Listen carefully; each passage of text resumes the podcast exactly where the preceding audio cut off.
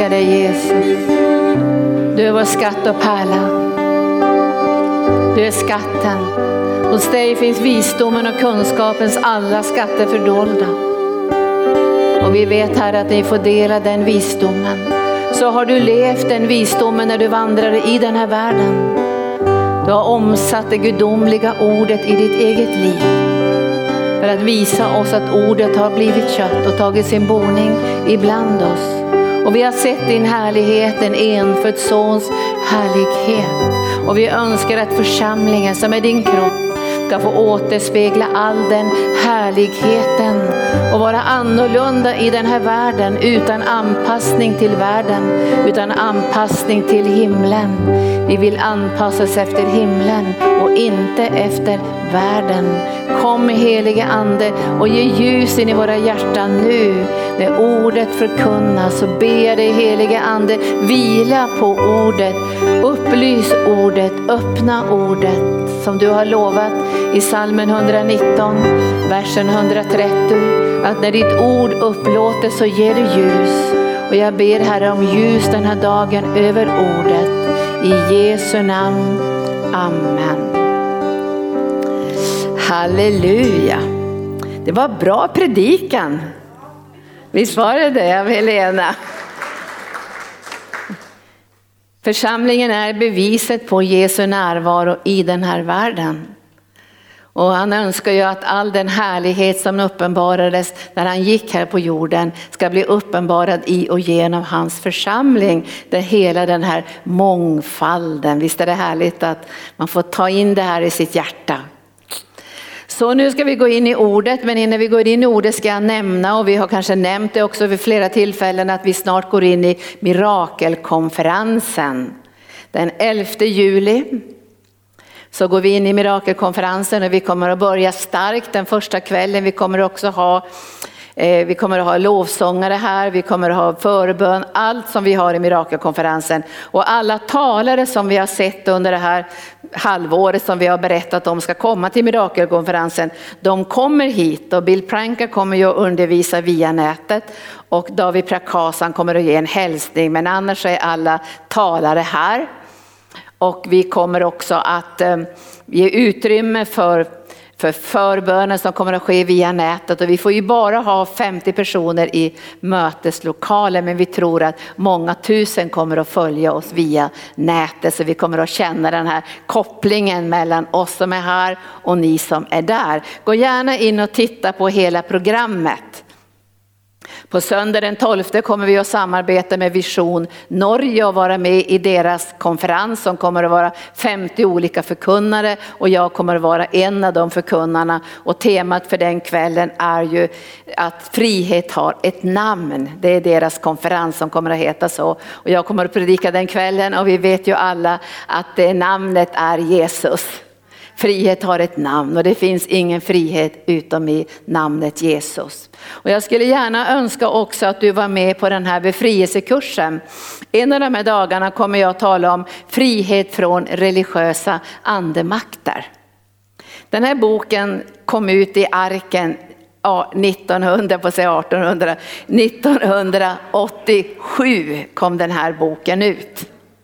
Så jag måste börja skriva den redan 85 någonstans där så började den födas i mitt hjärta. När jag läste den här boken igen under den här veckan så tänkte jag på en sak. Och jag har ju skrivit över 20 böcker och snart kommer en ny bok ut om några veckor som handlar om inre bönen. Men det som jag tänkte på när jag läste den här boken och det jag gladde mig över väldigt mycket, det är att alla böcker som jag har skrivit har jag skrivit på mina knän. Jag har skrivit dem i bön inför Gud. Jag har bett Gud om uppenbarelse över ordet, ledning över ordet. Så jag har inte tagit liksom undervisning och lånat det från olika källor. Och därför är jag så jätteglad att jag från 1987 när den här boken kom ut kan stå för varenda sak jag har skrivit. Därför kommer den här boken att vara en av de här böckerna vi kommer att använda också under befrielsekursen. Och jag är jätteglad också, alla de här 20 böckerna jag har skrivit, eller 21 böcker, har jag inte behövt göra som många förkunnare har gjort. De har sagt vi kastar den här boken, vi tror, står inte för det här längre och vi tror inte längre på det här och så har man tagit undan böcker. Jag tackar Gud idag att jag inte har behövt säga det om någon enda bok. Därför att de här böckerna eh, är skrivna på mina knän men de är också totalt fokuserade på Guds ord. Det är klart att man måste få göra en bedömning därför att varje bok föds ju också ur en människas erfarenhet och kärlek till Jesus. Men den här boken känner jag idag är otroligt viktig. För vi, vi får in mycket religiösa andemakter in i Guds församling. Och under på vad tror jag blir på torsdag, eh, på torsdag förmiddag så kommer jag undervisa just om det här ämnet. Och jag kommer att visa er hur de här andemakterna verkar. För det står ju i Bibeln att de mörkrets makter klär sig i ljusets gestalt. Och kommer in på olika sätt. Och vi ska se frukten av onda andar i form av religiösa andemakter, hur de verkar på olika sätt så vi kan säga nej det här tar vi inte emot. För när man säger nej till någonting så säger man också ja till någonting annat. Så läs gärna den här boken i förväg, den finns också på nätet och den finns också i bokhandeln, Frihet från religiösa andemakter. Och så står det längst ner så här. En bok om kärleken till Jesus och till trossyskonen. Det var en bra titel. En kärlek till Jesus. En bok om kärleken till Jesus och till trossyskonen. Idag ska jag predika om sinnets förnyelse eller förnyelsen av vårt sinne. Och när vi tänker på sinnet så behöver vi tänka på tankelivet. Det är kanske det vi tänker, säger mest, sinnets förnyelse. Förnyelsen av våra tankar, men också förnyelsen av vår vilja och förnyelsen av våra känslor. Det är viktigt för oss att känna till hur Gud ser på saker. Hur han önskar att vi ska bli förnyade i vårt sinne så att vi inte anpassar oss efter världen. Alltså vi ska leva helt andra liv i den här världen.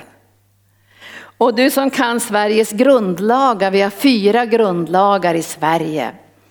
Och två av de grundlagarna heter, heter ungefär så här, pressfrihet och yttrandefrihet. Visst är vi glada över att vi fortfarande har yttrandefrihet i Sverige. Men nu är det inte säkert att folk tycker om det du säger, eller jag säger. Men vi har åtminstone grundlagens beskydd, vi har yttrandefrihet i Sverige. Det har man inte i alla länder över världen. Så det ska vi vara otroligt tacksamma över att vi har yttrandefrihet. Och nu ska vi börja läsa ifrån, vi ska börja läsa ifrån Romarbrevet kapitel 12. För vi som är troende och följer Jesus måste ju leva på ett helt annat sätt. För vi ska ju lysa som himlaljus i den här världen. Vi ska vara en uppenbarelseplats för Guds närvaro, för hans hjärta, för hans tankar, för hans namn, för hans ögon, för det som Gud är. Gud behöver en uppenbarelseplats och den uppenbarelseplats han har valt är sin församling. Där ordet och anden och Jesus ska bli uppenbarat för människor. Så vårt mål är inte att komma så nära världen som möjligt, utan vårt mål är att komma så nära Jesus som möjligt och bli mer och mer lika Jesus. Och det här ska vi läsa om idag, vi ska fördjupa det här lite grann idag. Därför att jag sa till pastor Gunnar häromdagen att det är väldigt många, man kan läsa om dem i Bibeln också, som liksom skäms för att stå för Jesus. För att göra den här tydliga bekännelsen. Ni vet ju den blinde mannens föräldrar. Alltså den blinde mannen, han var inte blind längre efter mötet med Jesus och det blev ju kalabalik. Och han sa, men det är Jesus som har helat mig. Och då går de till hans föräldrar och frågar, är det verkligen så att eran son är född blind? Och då svarar de så här, för de är jätterädda för att bli förföljda. Då säger de så här, ni kan fråga honom själv, han är vuxen nog. Men de säger det i rädsla för att bli förföljda. Och så säger Jesus så här till, till de judiska religiösa då, så säger han så här att ni söker hellre äran från människor än ni söker äran ifrån Gud. Och jag sa så här till pastor Gunnar, det kommer tider i människors liv då de måste välja här. Vill de bli ärade av människor eller vill de ha äran av Gud? Och jag vet situationer i människors liv då de har stått för Jesus, alltså de har sagt jag tror på Jesus. Jag vill följa Jesus, jag har bekänt mig till Jesus. Och på ett ögonblick så verkar det som att de förlorar allt. All ära ifrån människor. De kanske förlorar vänner, position, arbete. Men då händer det någonting som jag tror är den mest fantastiska belöningen. Det är äran ifrån Gud. För det står så här i Bibeln, när du blir förföljd för hans namns skull, då ska du inte bli deppad eller ge upp eller blir missmodig. Då säger Bibeln, då ska du hoppa upp av fröjd. Därför då kommer härlighetens ande och vila över dig. Det finns ingen hemlig tro och det finns ingen hemlig livsstil. Den är öppen och behöver vara öppen, både för oss själva och för de människor som vi möter. Och vi ska börja läsa ifrån Romarbrevet kapitel 12. Så talar ju Herren först i kapitel 12 i Romarbrevet om att bära sin kropp till Gud. Som ett levande offer. Som, som ska behaga Gud, som är en del i vår andliga gudstjänst. För vi önskar att vår kropp inte ska protestera när vi tjänar Gud, eller hur? Vi önskar att vår kropp ska samarbeta med Jesus och den heliga ande så vi vill tjäna Gud. Jag, jag vill inte ha ett sånt liv att jag protesterar hela tiden i min kropp. Ja, jag orkar inte det här, jag orkar inte be för människor, jag orkar inte gå på möten, jag orkar inte det. Jag vill inte ha det i mitt liv. Jag vill att min kropp ska känna halleluja, idag ska vi tjäna Herren. Och därför behöver jag bära min kropp varje dag till Gud. Som en, som en gudstjänst och proklamera min kropp är ett tempel åt den helige ande. Min kropp är ett tempel åt den helige ande. Och min kropp behöver höra det varje dag. Så den är villig att bära Guds härlighet. Den ska inte knota och knorra när du bett för 20 människor. Den ska inte knota och knorra när du bett för tusen människor. Därför i dina händer ska säga, finns det ingen till att be för? Oh, vi måste be för en till. Därför din kropp är överlåten och tillhör Herren. Och din kropp behöver tränas i den här överlåtelsen för att du ska kunna stå till Herrens förfogande. Men så nu, det här ska jag inte fokusera så mycket på idag. Jag ska fokusera på sinnet. Och då säger han så här, ni ska inte anpassa er, det här är andra versen i Romarbrevet kapitel 12. Och ni ska inte anpassa er efter den här världen. Ni ska inte anpassa er efter den här världen. Jag säger det igen. Därför vi människor är så anpassningsbara. Visst är vi det? Alltså vi är liksom skapade för att anpassa oss, men vi måste anpassa oss på rätt sätt. Och Paulus säger så här, för judarna blir jag som en jude, för grekerna blir jag som en grek och för de laglösa blir jag som en laglös och, och för de som har lag blir jag som en lag. Varför det? Därför att jag ska kunna vinna någon för Herren. Det är inte att vända kapp kappan efter vinden, utan det är det kärlekens förmåga att sätta sig in i en annan människas liv och livssituation. Det är inte anpassning som Bibeln talar om här. Men Paulus han säger, ni ska inte anpassa er efter världen. Ni ska inte se hur kan ni bli accepterade av världen. Hur kan ni få äran av världen? Hur, hur, vad, hur, vad, ska ni göra för att världen ska tycka om er? Utan vi ska istället tänka så här, hur ska vi göra så att Gud blir glad? Hur ska vi anpassa oss på ett sådant sätt att vi anpassar oss efter himlen?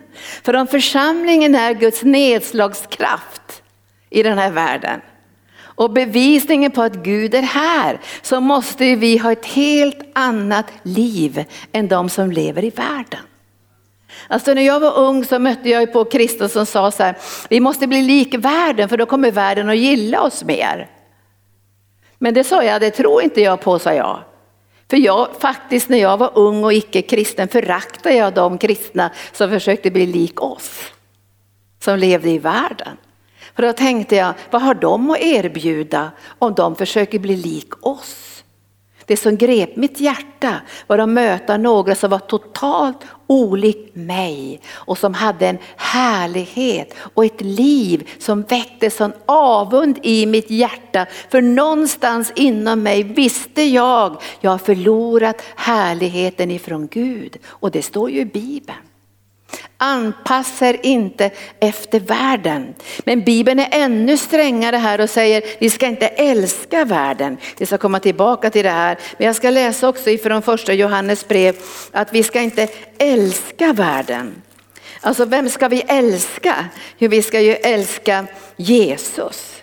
Han är ju vår första kärlek. Och, och vi ska läsa det här ifrån första Johannes brev ifrån kapitel 1 inte från kapitel 1, vi ska läsa från kapitel 2 och versen, vi läser från versen 15. Älska inte världen. Och då kanske du tänker så här, men Jesus älskar ju världen. Det är klart att han älskar människorna som är i världen. Men han älskar inte världen. Och nu ska vi se vad världen är för någonting. Jesus älskar människorna som kanske tillhör den här världen. Som lever efter världens principer och sätt att vara och leva och uttrycka sig. Det är inte det han älskar, han älskar människor och han har köpt varenda människas frihet med sitt dyrbara blod. Är inte det fantastiskt? Så nu ska vi se vad, vad, vad, Johannes säger. Och Johannes kan man säga är ju den lärjunge eller apostel som höll sig så otroligt nära Jesus så han till och med kallades för lärjungen som Jesus älskade. Nu älskade han ju alla, men han kröp sig alltid så där nära Jesu hjärta för att vara först mot Jesu bröst. Och han har skrivit det här. Han säger älska inte världen, inte heller det som är i världen. Älska inte världen, inte heller något som är i världen. Nu är det strängare. Om någon älskar världen finns inte faderns kärlek i honom. För vi är skapade för att älska Gud med hela vårt hjärta, med hela vår själ och med all vår kraft. Så står det i Bibeln. Och därför kan inte faderns kärlek dela platsen med kärleken till världen. Och ändå måste du och jag leva i världen. Men vad säger Jesus? Vi ska leva i världen men vi ska inte leva av världen. Eller hur? Vi ska leva i världen men vi ska inte leva av världen. Och vad betyder att leva i världen? Jo, vi behöver äta. Vi behöver ha någonstans att bo. Vi behöver ha ett arbete. Vi längtar efter att ha vänner, kanske en partner, gifta oss. Det här är saker som Gud önskar att ge sina barn i den här världen. Men de får inte ha sina hjärtan där som nummer ett. De ska ha sina hjärtan i Jesus som nummer ett. Annars kommer de att bindas upp av världen. Och ni vet ju, nu säger jag bara det som ni redan vet här. Det står ju att när Jesus, det står i Bibeln att när kungen skulle ha bröllopet för sin älskade son så hade man ursäkter av livets goda. De sa, jag kan inte komma för jag har gift mig. Jag kan inte komma för jag har ett företag. Eller så säger de, de här fem oxarna är egentligen arbetet eller företaget. Eller så säger de, jag kan inte komma för jag har ett hus som jag måste ta hand om. Så, så jag tar emot min ursäkt, jag kan tyvärr inte komma. Och i det här att man har sitt hjärta i de här välsignelserna som du och jag måste ha i den här världen. Om vi har vårt hjärta där så kommer vi att önska oss mer av det än mera av Jesus. Jag säger det igen, vi kommer att önska mer av det än att vi vill ha mer av Jesus. Och vet du vad som händer då? Då kan det hända att vi kommer att få samma frestelse som Jesus. Han sa nej och du ska också säga nej. När djävulen erbjuder honom hela världen. Du ska få allt säger han. Du ska få allting i den här världen och inte bara prylar och materiella saker utan du ska också få makten och härligheten och inflytandet och allt det här som har med makt att göra och pengar att göra. Det ska du få Jesus. Men Jesus har inte sitt hjärta där. Hans längtan är more of the father. Mer av faderns hjärta. Så han säger till djävulen, du kan bara gå undan du säger han. För det är bara en person som ska tillbedjas och följas och det är Fadern. För Satan säger ju, han hade en liten krok där som han inte först ville erkänna, det var att du ska få allt det där, men kroken är att du måste tillbe mig. Men Jesus avvisar allt. Gud vill välsigna oss med hus och hem, med arbete, med pengar. Han vill välsigna oss med gemenskap, med församlingsliv, med nära vänner. Men vi får inte ha vårt hjärta där. Vårt hjärta ska vara i Jesus. Då kan Gud välsigna alla de här delarna och vi blir inte bunden till världen genom dem. Visst fick ni tag på det här nu? Och då säger, då säger Johannes så här att vi ska, inte, vi ska inte älska världen. Allt som, säger han, vad, vad finns i världen? säger han. Allt som är i världen, allt som är i världen, köttets begär. Köttets begär, det finns i världen. Och vi är ju inte blinda när vi ser över världen vad som är köttets begär. Och det kan du läsa om du vill i Galaterbrevet så kan du läsa om köttet, vad köttet begär för någonting. När människor är kötsliga så begär de efter köttet. Medan du som vill följa Jesus begär efter anden. Du begär att få mer av Jesus, se mer av hans härlighet, för att kunna tjäna honom bättre, komma in i hans vilja. Det har du begärt. Och, och när, när, när, det står i Salta salmen 27 så säger, så säger författaren där, ett har jag begärt av Herren, ett har jag begärt av Herren, det eftertraktar jag i mitt hjärta att få skåda Herrens härlighet. Tänk när vi har det begäret inom oss. Vad säger ni? När vi allihopa kommer samman. Vi har ett begärt av Herren. Det är inte större hus och finare bil och allt det Det är inte det som vi begär. Det kanske vi får som en gåva, som en välsignelse genom bönen. Men ett har vi begärt av Herren. Därefter traktar jag att få skåda Herren. Att få se hans härlighet, få märka hans närvaro, få se under och tecken. Finns det något som jag begär nu så är det under och tecken. Jag begär ifrån mitt innersta att få se människor med svår psykisk sjukdom bli helade. Människor som har fått svåra konsekvenser av covid-19. Människor som har cancer i sista stadiet, människor som har Alzheimer. Att få se mirakulösa helanden, det begär jag. Det känner jag mitt begär på insidan, att få se Herren, att få se församlingen växa, att få nå ut till andra länder, att få se människor frälsta. Vad begär du? Det andra kommer du att få som en del av Guds välsignelser i ditt liv. Men älska inte världen, köttets begärelse. Men vad var det mera? Köttets begärelse, ögonens begär. Du vet ögonen blir aldrig nöjd. Alltså du blir aldrig mättad genom dina ögon. Alltså jag ser på människor som har börjat med någon, en fin bil och så måste de ha en fin bil till och så måste de ha fem nya bilder, bilar och så har de så mycket bilar i sitt garage och de måste skaffa sig ett jättegarage. Du kanske inte med de människorna. Men jag säger ögonens begär kan inte mätta dig. Alltså hur mycket du än ser genom dina ögon det som finns i världen så finns det ingen mättnad i det. Och Salomo säger ju sen i, i Bibeln så här, allt det där som jag jagade efter, det är ett jagande efter vind.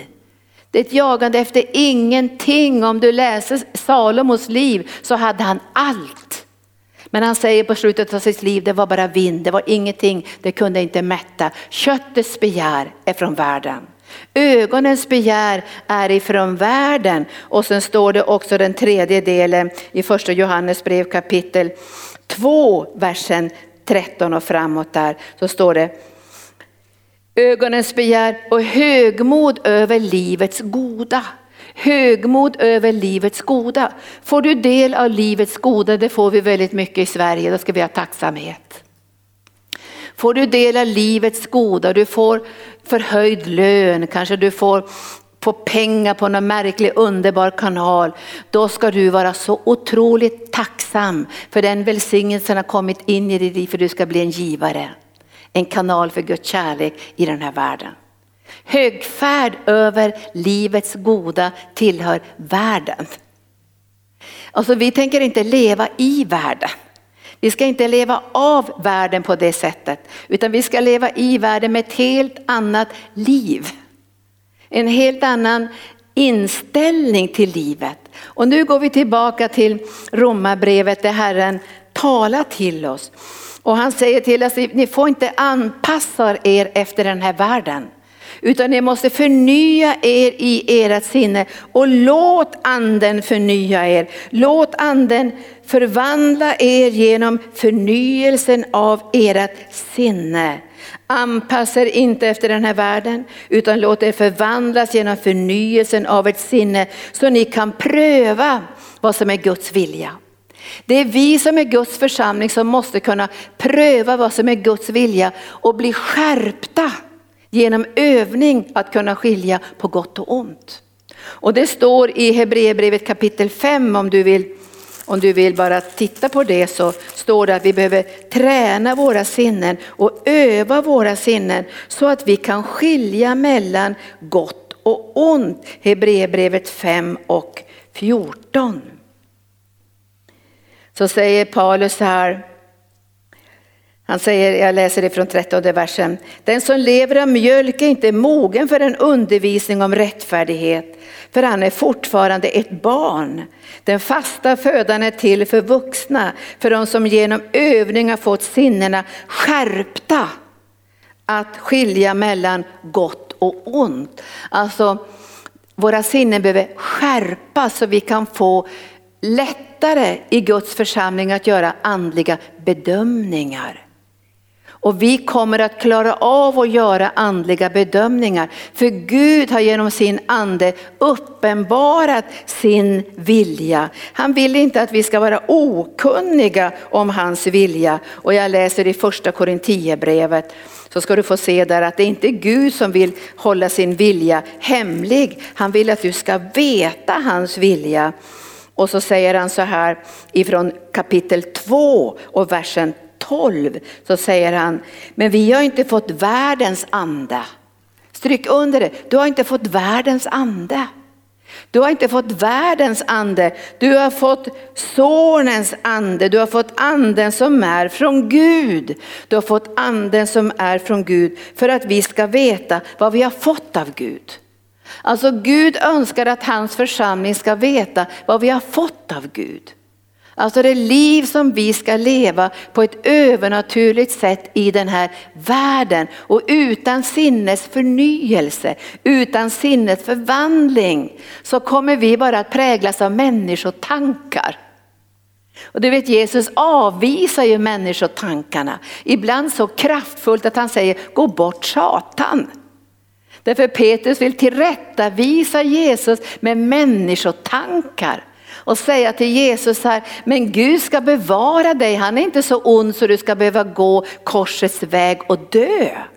Precis det har Jesus förkunnat för dem. Men Petrus han bara förkastar det för han tänker människotankar och Guds församling får inte tänka människotankar. Vi behöver bli skärpta slipar igenom Guds ord så vi kan bedöma, kommer det här från Gud? Kommer det här inte ifrån Gud? Kommer den här livsstilen ifrån Gud? Eller kommer den inte ifrån Gud? Därför Bibeln talar ju inte bara om att vi ska citera ordet utan det talar också om den livsstil Guds folk måste leva som ljus i den här världen och det kommer genom sinnets förnyelse. Och då kan man tänka sig, men hur ska vi kunna tänka Guds tankar? Och då säger Paulus de här bevingade orden som är, bärs av den heliga ande i 2.16. För vem har lärt känna Herrens sinne och vem kan undervisa honom? Men vi, du och jag och vi som är Guds folk, vi har Kristi sinne. Vi har Kristi sinne. Det betyder att det är övernaturligt naturligt för oss att tänka som Jesus. Det är inget konstigt att tänka om Jesus. Vi blir inte freak i den här världen, knepiga, skogstokiga. Alltså vi är några udda ty typer. Utan vi är övernaturligt naturliga som lever ett helt annat liv därför vi har blivit rättfärdiggjorda. Våra sinnen är skärpta. Vi är förnyade i våra sinnen, i vårt tänkande, i våra känslor, i, i vår vilja så vi kan få tag i det här som behagar Jesus. För vi ska behaga Jesus i den här världen. Och vi ska inte anpassa oss den här världen. Vad vill du hellre ha? Äran från världen eller äran från Gud? Det står så här i Bibeln, ni som skäms för mig i den här världen. Och ni som inte vill bekänna mitt namn i den här världen. Så kommer inte jag heller bekänna mig till er. När jag kommer tillbaka på himmelens skyar. Därför skäms vi aldrig för Jesus och vi skäms inte heller för att vi har valt en annorlunda livsstil. Kom ihåg nu, de fyra grundlagarna fanns det åsiktsfrihet. Du får berätta hur den kristna livsstilen ser ut och varför du lever så här för du älskar Jesus. Visst är det skönt det? Du älskar Jesus. Därför har du valt en helt annan livsstil och den livsstilen beskrivs ju i Romarbrevet kapitel 12.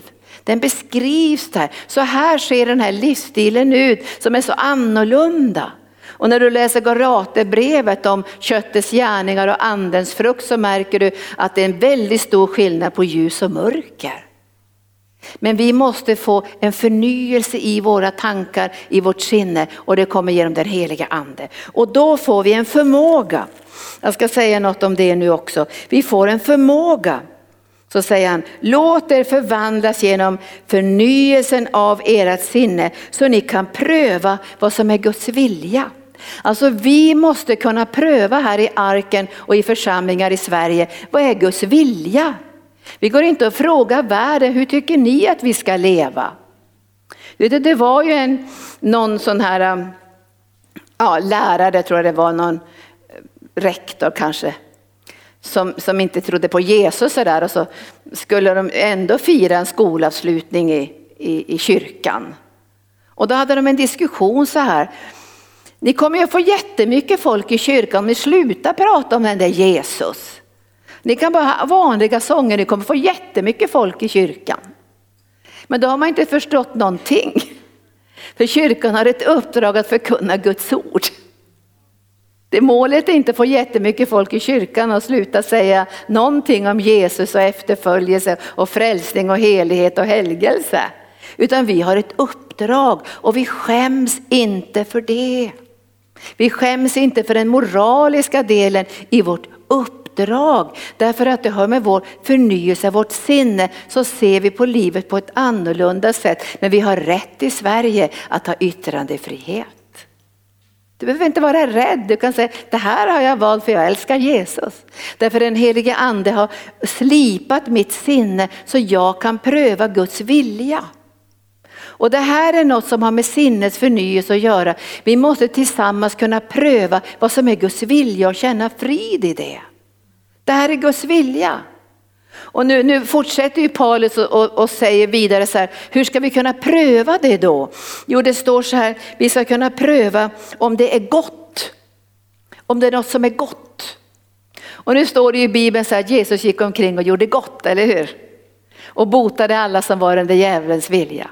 Och vi, vi, ni, ju, ni allihopa som jag pratar till här idag, ni kan ju lätt pröva att Gud ger inte sjukdomar och Gud slår inte undan fötterna på någon eller Gud skadar inte någon eller ser till att de får en bilolycka eller sånt där. Det är inte det som är gott. Jesus gick omkring och gjorde gott, står det inte så? Och botade alla som var under djävulens våld. Och därför kommer du att kunna pröva det. När det kommer in krafter som säger men Gud står bakom den här hemska olyckan och nu är Guds straff över Sverige. Då vet du att straffet tog Jesus. För att vi skulle få frid och genom hans sår har vi blivit helade. Alltså vi måste pröva vad är det som är gott och vad är det som är ont. För Bibeln säger så här i gamla testamentet så säger, säger Fadern så här, på er måste jag bevisa mig helig för att kunna visa min härlighet för folket.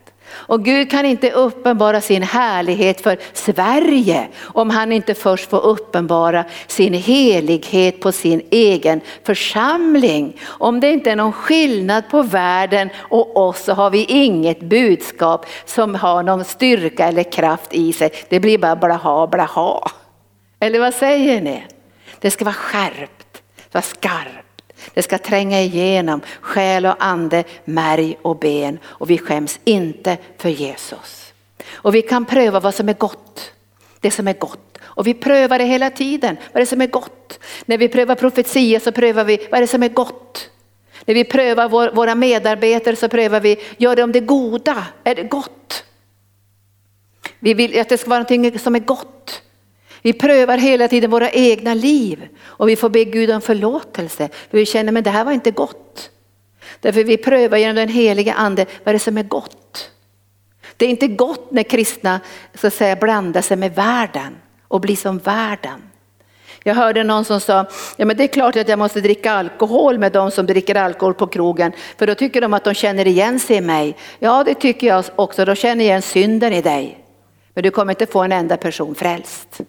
För du måste visa på ett helt annat liv, knivskarpt. Predikar bra idag, knivskarpt. Du kan inte säga så här, ja men jag lever i sexuell orenhet men jag tror ändå att jag har ett starkt budskap. Jag tror inte det. Jag tror inte heller att man kan säga så här, jag, jag röker som en borstbindare men när jag går in i bönerummet jag lämnat cigaretterna hemma. Och så ska jag befria alla som röker. Alltså det låter ju lite sådär godhjärtat och snällt och så, jag ställer mig till Guds förfogande. Men jag tror att djävulen kommer att säga, Jesus känner jag. Och Paulus vet jag vem det är, men vilka är ni? Alltså man förlorar auktoriteten. Och vi behöver auktoritet för att kunna möta en fallen, döende, oren, uppblandad värld. Där mörker och förvirring råder, det måste vara knivskarpt. Där är mörkret, där är ljuset och vi får pröva det. Och ibland är vi osäkra. Då, då, förny, då säger vi förnya mitt sinne Gud. Så jag kan tänka rätta tankar. För det är inte alltid det är knivskarpt, eller hur? Vi är ärliga nu. Vi vet inte riktigt, är det knivskarpt det här? Utan då måste vi be, kom helige ande och förnya mitt sinne. Sitter jag fast i världen? Har jag mitt hjärta i världen på något område? Och då kanske Herren säger, ja det har du. Ja men då kan jag göra bättring och säga Gud, jag vill ha mitt hjärta helt hos dig. Jag vill inte ha mitt hjärta i, i saker som kommer att gå under i den här världen. För allt kommer ju gå under, vi hörde det i inledningen. Allt kommer att skaka, allt kommer att gå under, men hans ord kommer alltid att bestå. Nu hoppas jag att jag inte är sträng, jag håller på att tala liksom en excellens.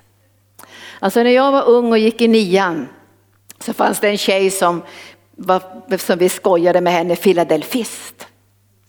Hon var, gick på filla och vägrade gå på våra fester och skolgrejer och vi skulle göra olika dumheter också. Och jag försökte övertala henne att synda. För det retade oss att hon sa nej. Tänk att jag berättar om henne idag.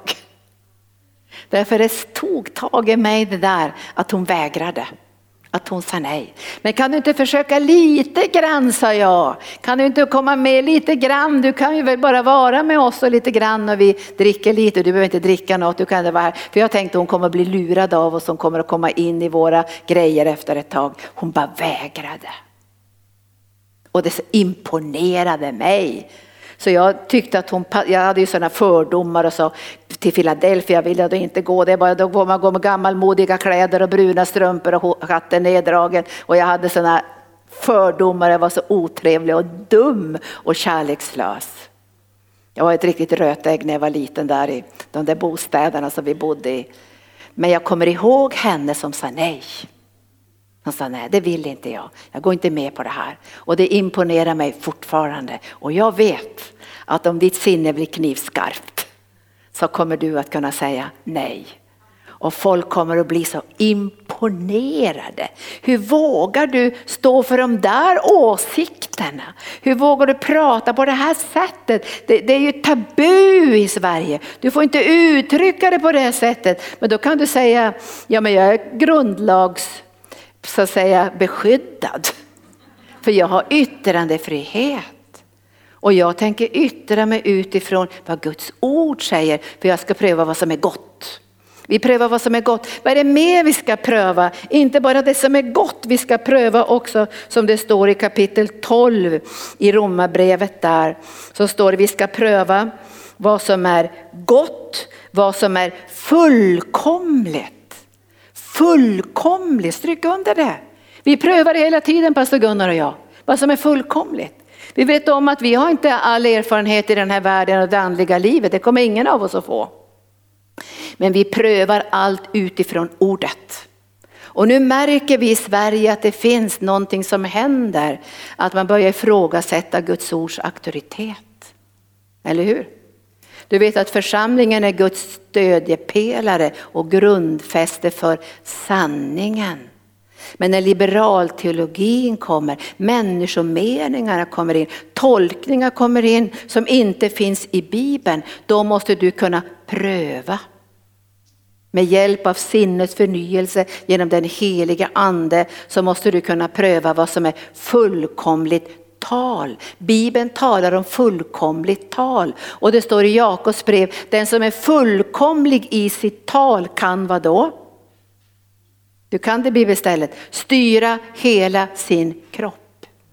Därför kroppen gensvarar till ordet och därför måste man ge Guds ord till sin kropp. Fullkomlighet, pröva vad som är fullkomligt. Och när, när vi prövar profetia så prövar vi så här, vad kommer ifrån Guds ord och vad kommer bara från människan? För ibland är det 80 Guds ord och 20 Kalle Persson. Och ibland är det 80 procent Kalle Persson och 20 procent Gud. Och det behöver vi inte vara elaka med varandra för att vi säger det här kommer nog från ditt eget hjärta det mesta. Har du hittat på, läst ur en bok eller någonting. Men vi måste pröva. Och vi måste pröva det gemensamt också med de tjänstegåvor Gud har satt i församlingen för att skydda församlingen från villolära. Därför behöver vi sinnesförnyelse. För jag möter ju många människor som genom åren som är väldigt kärleksfulla och fina. Men det betyder inte att de har rätt teologi ändå. De kanske pratar och helt, blandar ihop med new age och det ena och det andra fast de är jättetrevliga som människor. Vi måste pröva vad som är fullkomligt tal. Stämmer det här överens med Bibeln? Vi vet ju Martin Luther på 1500-talet stod och sa så här, sa, jag står, jag kan ingenting annat göra. Därför är ordet alena. Det är tron alena, det är nåden alena. Han hade sett det och han kunde inte göra någonting annat. Och det kommer tider i ditt och mitt liv då vi får säga, så här säger Guds ord. Bråka inte med mig, jag är bara brevbäraren. Halleluja. Ibland bråkar människor med mig och säger, varför pratar du så här om helande? Jag säger, jag citerar Bibeln. Vill du bråka med någon så bråka med Gud. Jag är bara brevbärare, jag måste säga vad Gud har sagt. Så här står det skrivet och så här har jag förstått att tolka det här som Gud har sagt. Och ni får gärna pröva och säga, ja men 10 procent var Lindas egna grejer, men lägg undan det då och så behåller du det som är gott. Vi ska pröva det som är fullkomligt. Och nu talar jag profetiskt idag, vi går in i en farlig tid, vet ni det? Av religionsblandning, liberal teologi, människomeningar. Vi kommer in i en farlig tid, men den är inte farlig om du låter ordet förnya ditt sinne och din ande. För då kan vi tillsammans säga det där tar inte vi emot. Det här ställer vi åt sidan. Därför vi vill, vi vill kolla, vi vill testa tillsammans det som är fullkomligt tal. Nu sa vi det som är gott. Det som är fullkomligt och nu kommer den tredje delen som du och jag prövar allting ifrån. Och det är om det är välbehagligt, välbehagligt, om det behagar honom. Om det behagar Gud, vi prövar utifrån det, är det gott? Är det fullkomligt? Behagar det Gud? Gör det här Jesus glad? Det är enkelt va? Om vi ska ha saker i församlingen som vi ska göra eller förändringsprocesser så måste vi ställa oss frågan, gläder sig Jesus över det här? Gläder han sig över splittring, kiv, konkurrens, baktal? Alltså det är sådana enkla frågor. Och ibland har vi inte förnyat vårt sinne så att vi, vi tänker inte på att det där var inte bra. Men när sinnet förnyas så händer det något inom oss. Vi får syndanöd, vet ni det? Syndanöd är Guds välsignelse. Om jag skulle sitta och baktala någon och jag känner ingenting, det känner ingenting i mitt liv, då är det illa. Men när jag går hem kanske jag känner, det där var inte bra. Förlåt mig Gud och rena mig och hjälp mig nästa gång att hålla stilen. För många år sedan var jag i Norge, kanske var nästan 30 år sedan. Och jag var inte så van att predika på den tiden så jag var ganska trött när jag hade predikat och bett för hundratals människor. Och det här var en ganska stor konferens med många ledare. Och efter det här mötet så satt vi i någon slags fik fika och vi skulle fika då kanske var 15 olika ledare. Och sen börjar man aktivt förtala en annan ledare. Alltså man satt inte och förtalade. Det var inte en slags en andlig bedömning för att hjälpa den här personen, utan det var aktivt förtalande. Och jag satt där och så sa jag ingenting. Alltså jag sa inte, det här känns inte bra, kan vi inte be för den här personen istället och prata om någonting annat. Jag sa ingenting. Men på natten sa Herren till mig, genom din tystnad gjorde du dig delaktig i det som du inte får göra dig delaktig i om du ska vara en ledare i det här landet. Så jag fick bara ödmjuka mig och så fick jag gå till de här ledarna dagen därpå och säga, jag vill be om förlåtelse att jag inte sa någonting för det här var inte bra. Att vi satt så här länge och talade så här fruktansvärt negativt om den här personen. Och jag vill be om förlåtelse att jag inte sa att vi skulle avsluta det här och istället be för den här personen. Och gå in i något annat ämne som var mera uppbyggligt. Jag tror inte de tyckte nog bara att jag var lite konstig men jag kände efteråt att jag kände frid i mitt hjärta. Jag kände en vila i mitt hjärta. För jag, jag, ty, jag, jag, blir, jag tycker inte om när jag läser det här ordet, bedröva inte den helige ande.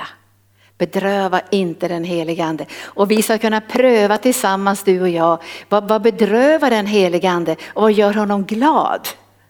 Och vi ska inte pröva så mycket vad som bedrövar honom, vi ska istället pröva vad, vad gör honom glad. Hur kan vi glädja den helige ande? Hur kan vi få honom bara wow, han bara ropar av fröjd och, uppenbara Jesus och låter nådegåvorna flöda i ett överflöd. Därför vi kan pröva vad som är gott, vad som är fullkomligt och vad som behagar Gud. Alltså när vi prövar det, då händer det något, vi blir skärpta. Och jag önskar att den här församlingen ska vara väldigt skärpt när vi går in i framtiden. För vi har fått profetord av Gud. Ord som har sagt så här i början av året så sa Herren till oss att det skulle ske goda saker i arken. Vi skulle få förnyelse. Vi skulle få förändring och vi skulle få expansion. Och nu vill jag säga till dig och till mig själv också att det blir ingen expansion om inte vi klarar av förnyelsen. För då kommer vi att protestera i all förändring, eller hur? Det kommer att bli bara en stor klump av nej, det vill vi inte. Vi vill inte rucka på det här och vi vill inte ändra någonting och vi vill inte göra nya insatser och vi vill ha det som det har varit förut. Och så säger Gud, ja men då blir det ingen expansion. Men det blir inte heller att vi stannar kvar på platsen där vi är, utan vi går tillbaka. Visst gör vi, vi går tillbaka.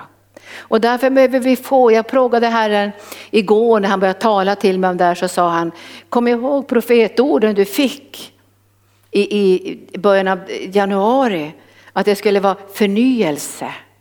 Och han sa förnyelse av tankarna, av sinnet av känslorna, av viljan. För att vi ska kunna få en förändring, positiv förändring. Så ännu fler människor kan komma hit. Ännu fler människor kommer att hitta sin plats här. Ännu mer sanning kommer att bre ut sig här. Så att om det kommer någon lögn här så kommer den inte att stanna mer än två sekunder. Därför det står stämplat i din panna oskyldig som ett lamm. Vad säger ni? Jag satt och tänkte på Stefanus häromdagen och han försvarar ju inte sig själv så han sa, men jag är en smord predikant och jag är diakon också. Utan han börjar försvara evangelium. Han börjar försvara evangelium. Och fariseerna blev så fruktansvärt arga Att de började anklaga honom vara en förrädare och det var det ena och det andra och de började kasta stenarna på honom. Men vet du vad Bibeln säger? Hans ansikte lyste som en ängels ansikte och han var stämplad med hela himmelens stämpel, oskyldig. Det här tycker jag är så fantastiskt när vi kommer in i de här förändringsprocesserna genom den heliga ande. Då får vi enhet. Alltså vi spretar inte åt alla håll så de starka viljorna tar över. Vet du, bara för att man har en stark vilja betyder inte att man är smord av Gud.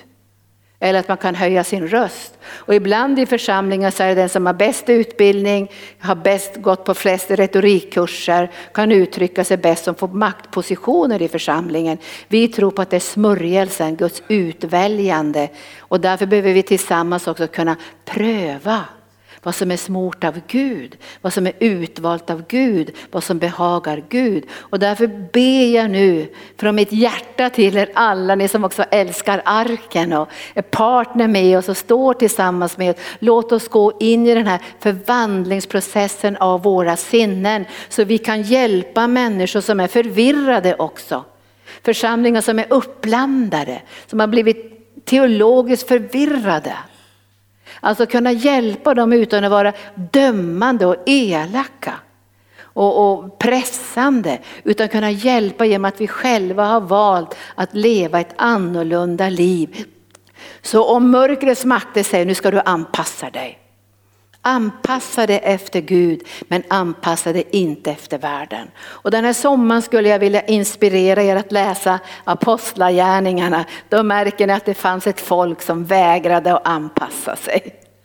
Alltså när man sa till dem, ni får inte predika längre om Jesus, jag förbjuder att predika.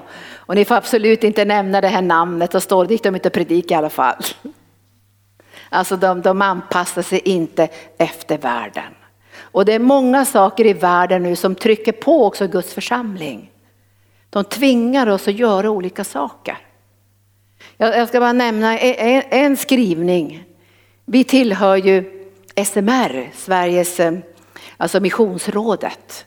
Och vi har varit medlemmar där under många, många, många, många år och fått väldigt stor välsignelse att bygga massor med bra saker utöver världen i i Mosambik och i Rwanda och på andra ställen har vi fått skolor och brunnar och till och med en liten klinik har ju varit med och byggt där för att kvinnor som bodde ute i bushen skulle få möjligheter att föda sina barn på ett säkert sätt. Men så kommer staten in och börjar bestämma vad vi ska tro på. Förstår ni vad jag säger här nu? Då börjar man säga så här, nej men vi går inte med på det att församlingen, arken till exempel då, kan få några pengar om inte vi kopplar ihop med skrivningen att vi gör information om fri abort i de här länderna. Det är en skrivning. Det kan ju låta väldigt oskyldigt att vi säger okej, okay, det går bra, visst vi har den här skrivningen att vi står för fri abort så kan vi få pengarna. Och då står man i ett dilemma, vem ska vi anpassa oss till? Om vi anpassar oss efter världen därför att världen säger det här. Vad händer om, om vår förskola får en, en, en, skrivning att man säger ni får inte längre kalla pojkar för pojkar och flickor för flickor utan ni ska kalla alla för hen. Ja, då får vi tänka vad, vad, vad säger Bibeln och vad säger världen? Alltså då behöver vi få ett skarptänkande, förstår ni? Då måste vi tänka, vad blir det för konsekvenser av det här? Kan vi gå in under det här? Hur tänker vi egentligen? Vad säger Guds ord? Det är ingenting som vi bara bestämmer så här över en dag utan vi måste ha enhet i det här tillsammans. Så vi kan stå för Guds ord och den kristna moralen utan att vi liksom skäms eller är jätterädda eller tänk om vi får förföljelse, tänk om folk blir arga på oss. Utan vi måste tänka igenom saker tillsammans med Gud. Så vi får en, en enhet. Alltså nu kan man ju säga så här till SMR att ja, men vi vill fortfarande vara medlemmar men vi vill, vi, vill, vi vill inte stå för den här skrivningen. Vi vill reservera oss för den här skrivningen att man måste stå för fri abort. Det kan man ju göra. Och det kanske vi gör. Men jag säger vi har inte kommit dit än. Utan vi säger så här heliga ande skärp våra sinnen genom ditt ord. Så vi kan göra på rätt sätt. Men världen ska inte tränga sig in i Guds församling och bestämma. Så här ska ni tänka, så här ska ni göra. Och då kommer utmaningen som du har talat om idag, Helena. Vem är vår källa? Tänk om vi är totalt beroende av pengar från kommun och från stat och från bidrag. Tänk om vi är totalt beroende av det. Vi kanske inte kan gå göra någonting av arbete ute i uländerna om inte vi får statens bidrag. Då har vi gått på fel väg. Det är Gud som är vår källa, eller hur? Och då måste församlingen vara överens med oss ledare att det är Gud som är vår källa och på vilken väg ska vi gå? Hur ska vi förhålla oss till det här? Alltså jag ska säga att, att Guds församling har levt många gånger så nära världen att det här blir jobbigt för Guds församling att ta de här stegen och kanske gå så här långt ut på den här sidan och säga nu vill vi ha en marginal till världen. För vi måste lämna världen för att kunna leva i världen. Och då måste jag ju fråga mig själv, har jag lämnat världen? Har jag lämnat världen?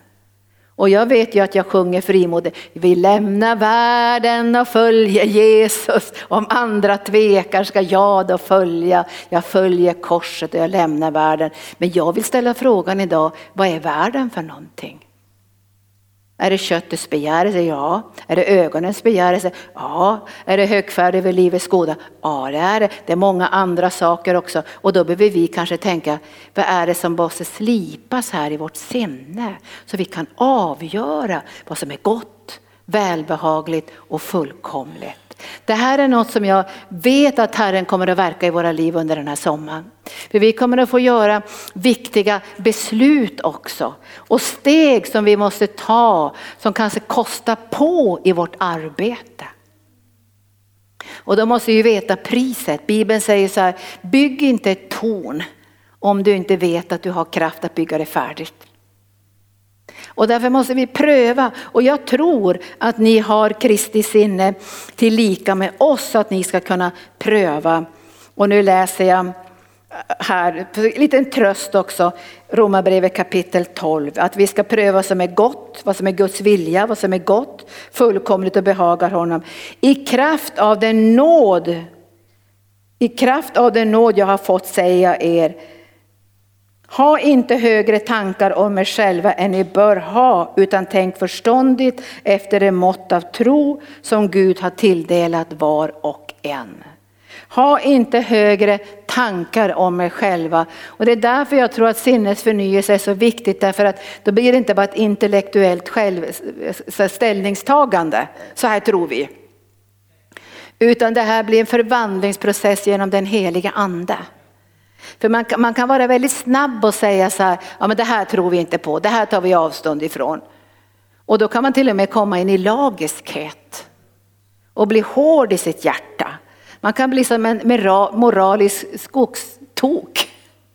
Där man bara springer runt och anklagar människor och förkastar människor. Det är därför som sinnets förnyelse måste vara ett verk av den helige ande. Av Guds andes verk i våra liv. Så vi gör det här därför att vi älskar Jesus. Och då får vi inte tänka, men jag kan allting och jag förstår allting och jag vet bättre än alla andra ledare här i Sverige. Det vore en ren dårskap. Utan vi måste tänka utifrån det mått av tro som vi har fått med en ödmjukhet, men vi måste få våra sinnen slipade. För vi har ansvar att förvalta förkunnelsen om Jesus. Vi har ett ansvar att förvalta evangelium för kommande generationer. Som måste vara fri från filosofi, från människotankar, från gnosticismen och liberal teologi. Vi måste ha ett rent evangelium där Herrens ande kan vila över Guds ord och förvandla människors liv. Och jag vet idag när jag talar till er att ni längtar efter det här. Visst gör ni det? Att bli slipade. Ni vill inte vara oslipade knivar. Så det går inte igenom någonting, man kan inte skära en limpa ens. Utan vi ska vara skarpa i kärlek. Jesus var skarp, hela tiden skarp det skar. Och han säger, mitt ord är ett svärd som tränger igenom själ och ande, märg och ben och är en domare över hjärtats uppsåt och tankar. Och jag säger till sist, om Guds församling inte skärpt av Gud själv så kommer världen inte att få syndanöd. Ingen människa kommer ens att beröras av vår predikan. De kommer inte ens att känna att de vill göra bättring eller leva ett heligt liv utan det blir bara en billig tandkrämsreklam. Någon slags god, god, god, god känsla bara som vi förmedlar. Vi håller på att tala om ett helt annat liv som man får genom pånyttfödelsen och rättfärdiggörelsen genom Jesu Kristi försoning på Golgata kors. Så nu ska vi be här, jag, jag vill själv ha den här längtan inom mig att kunna göra de här svåra besluten. Och de svåra besluten och de lätta besluten, de underbara besluten, de ska vi också göra tillsammans. Så att vi känner frid. Att vi lämnar det här eller vi stannar kvar i det här eller vi gör på det här sättet eller vi förhåller oss så här till det politiska eller hur ställer vi oss till att bli, bli medlem i ett politiskt parti som kanske har åsikter som går emot Bibeln. Alltså det här ska jag säga är inte lätta frågor men vi måste få våra sinnen så slipade att vi kan bedöma tillsammans med hjälpen från den heliga ande. Vi går på den här vägen, eller hur? Vi går på den här vägen och vi gör det tillsammans därför att vi har låtit anden förvandla oss. Vi har inte bara åsiktsfabriken. Jag vill inte vara i en åsiktsfabrik och debattera med en massa människor. För det Bibeln säger, gör inte det. Det väcker bara bråk hos dem som hör de här debatterna. Utan du ska förvalta sanningen ren i ditt hjärta för att följa Jesus. Så nu talar jag lite allvarligt men det är ändå en längtan. Och läs gärna in en ny bibel i sommar, det kommer jag att göra. Kanske inte hinner läsa igenom hela, men jag ska i alla fall börja läsa en ny bibel för att få liksom inte fastna vid gamla understrykningar utan be att den helige ande lyfter fram orden på nytt. Och sen ska jag be att vi ska bli skärpta, pastor Gunnar och jag, våra medarbetare, våra äldste, alla hemgruppsledare ska skärpas, inte av människor utan av den heliga andes smörjelse så ska vi bli skarpa. Skarpa svärd och brinnande facklor och ljuvliga stjärnor som lyser i en mörk och döende värld. Så nu ber jag dig heliga ande att du ska påbörja i våra liv idag på ett djupare plan sinnesförnyelse. Så vi får förmågan både som individer och som församling att kunna pröva vad som är din vilja. Och du har sagt att vi kan pröva för du har gett oss den heliga ande och inte världens ande för att vi ska veta vad vi har fått ifrån dig. Och du har gett oss Kristi sinne så vi ska kunna veta hur han tänker, hur han känner, vad som är hans vilja. Så vi kommer inte att bli bara förvirrade i den här världen och bara oroliga och konstiga. Vi kommer att bli lika Jesus därför den heliga ande är, där förvandlas vi till hans avbild och vi går från härlighet till härlighet. Och jag ber dig heliga ande idag att om det tar ont i vårt innersta när du slipar oss och skär bort saker av världen ifrån oss så säger vi fortsätt och skär även om vi skriker i höjden. Så skär heliga ande bort världen från församlingen, ta bort världen från våra liv och finns det något i våra liv som fortfarande är bundet till världen så ta bort det från våra liv Gud så den här församlingen ska kunna återspegla din härlighet och det mod som de första apostlarna visade prov på i apostlagärningarna. Så be dig Sikeria, Pronoria, vi ska inte vara rädda för att förvandlas genom din ande. Vi är inte rädda för att vara annorlunda i den här världen. Det är vår kallelse att vara annorlunda. Det är vår kallelse att leva ett så annorlunda liv att människor ska få längtan efter himmelrikets härlighet härlighet. Och jag ber dig kora sendria, gigrodo asoki, asoki, asoki. Jag ber här att den här processen ska börja idag så att vi kan göra beslut för framtiden, så vi kan göra steg, så vi kan ha fortbildning, så vi kan träna alla bibelelever, alla som tillhör arken och alla vänner utöver Norden att kunna skilja på gott och ont, att skilja på det som behagar dig det som bedrövar dig och det som är fullkomligt tal och det som är människomeningar. För vi har ju hört om, om, om fariseerna som inte predikade ditt ord utan människotankar och människomeningar som förde och som hade sina hjärtan långt ifrån dig. Vi vill inte ha våra hjärtan långt ifrån dig Herre, så vi välkomnar dig nu heliga Ande att Förnya våra sinnen så vi tillsammans under den här sommaren, under den här hösten 2020-2021 ska kunna göra rätta bedömningar ledda av den heliga ande i ödmjukhet utifrån den nåd och den tro som du har fördelat i vars och ens hjärta. Kom helige ande. Lovsångare ska ni komma upp. Tack Jesus. Tyckte ni det var bra idag? Det var goda ord idag. Det, det här beslutet som vi också tar idag, vi tänker inte skämmas för Jesus, ett väldigt bra beslut. Och få uppleva det där, jag tror du Violetta har upplevt det många gånger, som gav ditt vittnesbörd här framme, att när du har stått för Jesus och berättat om Jesus och frälsningen, då kommer den heliga ande göra resten. Då börjar de gråta, då händer det saker på insidan. Därför det kan vi inte vi pressa fram. Men om vi är ett skarpt svärd, om du är ett skarpt svärd, så kommer du bara genom din närvaro att tränga igenom människors innersta. Och de kommer få ett sting i sina hjärtan. Och sen gör Gud resten. Men skäms aldrig för Jesus. Och vi ska inte skämmas för Jesus. Och som Guds församling så är vi ju unika i den här världen. Vi är inget politiskt parti, vi är ingen hjälporganisation i första hand, utan vi är ju Guds församling, bärare av Guds härlighet och Guds närvaro. Det är det som vi är. Sen är vi på många olika arbetsplatser, i många olika funktioner i samhället, men vi tappar inte ursprungskallelsen. För när vi är på olika platser i samhället är vi bärare av Guds härlighet och uppenbarelsen om hans frälsning. Och vi måste göra ett beslut idag, jag tror det är ett viktigt beslut. Vi ska inte anpassa oss efter världen. Vi gör inte det. Vi säger nej till det. Och när världens krav kommer, ni måste anpassa er, då gör inte vi det. Och jag har inte gjort sådana här djupa beslut som Paulus har gjort. Han säger så här att då dör jag hellre. Jag dör hellre.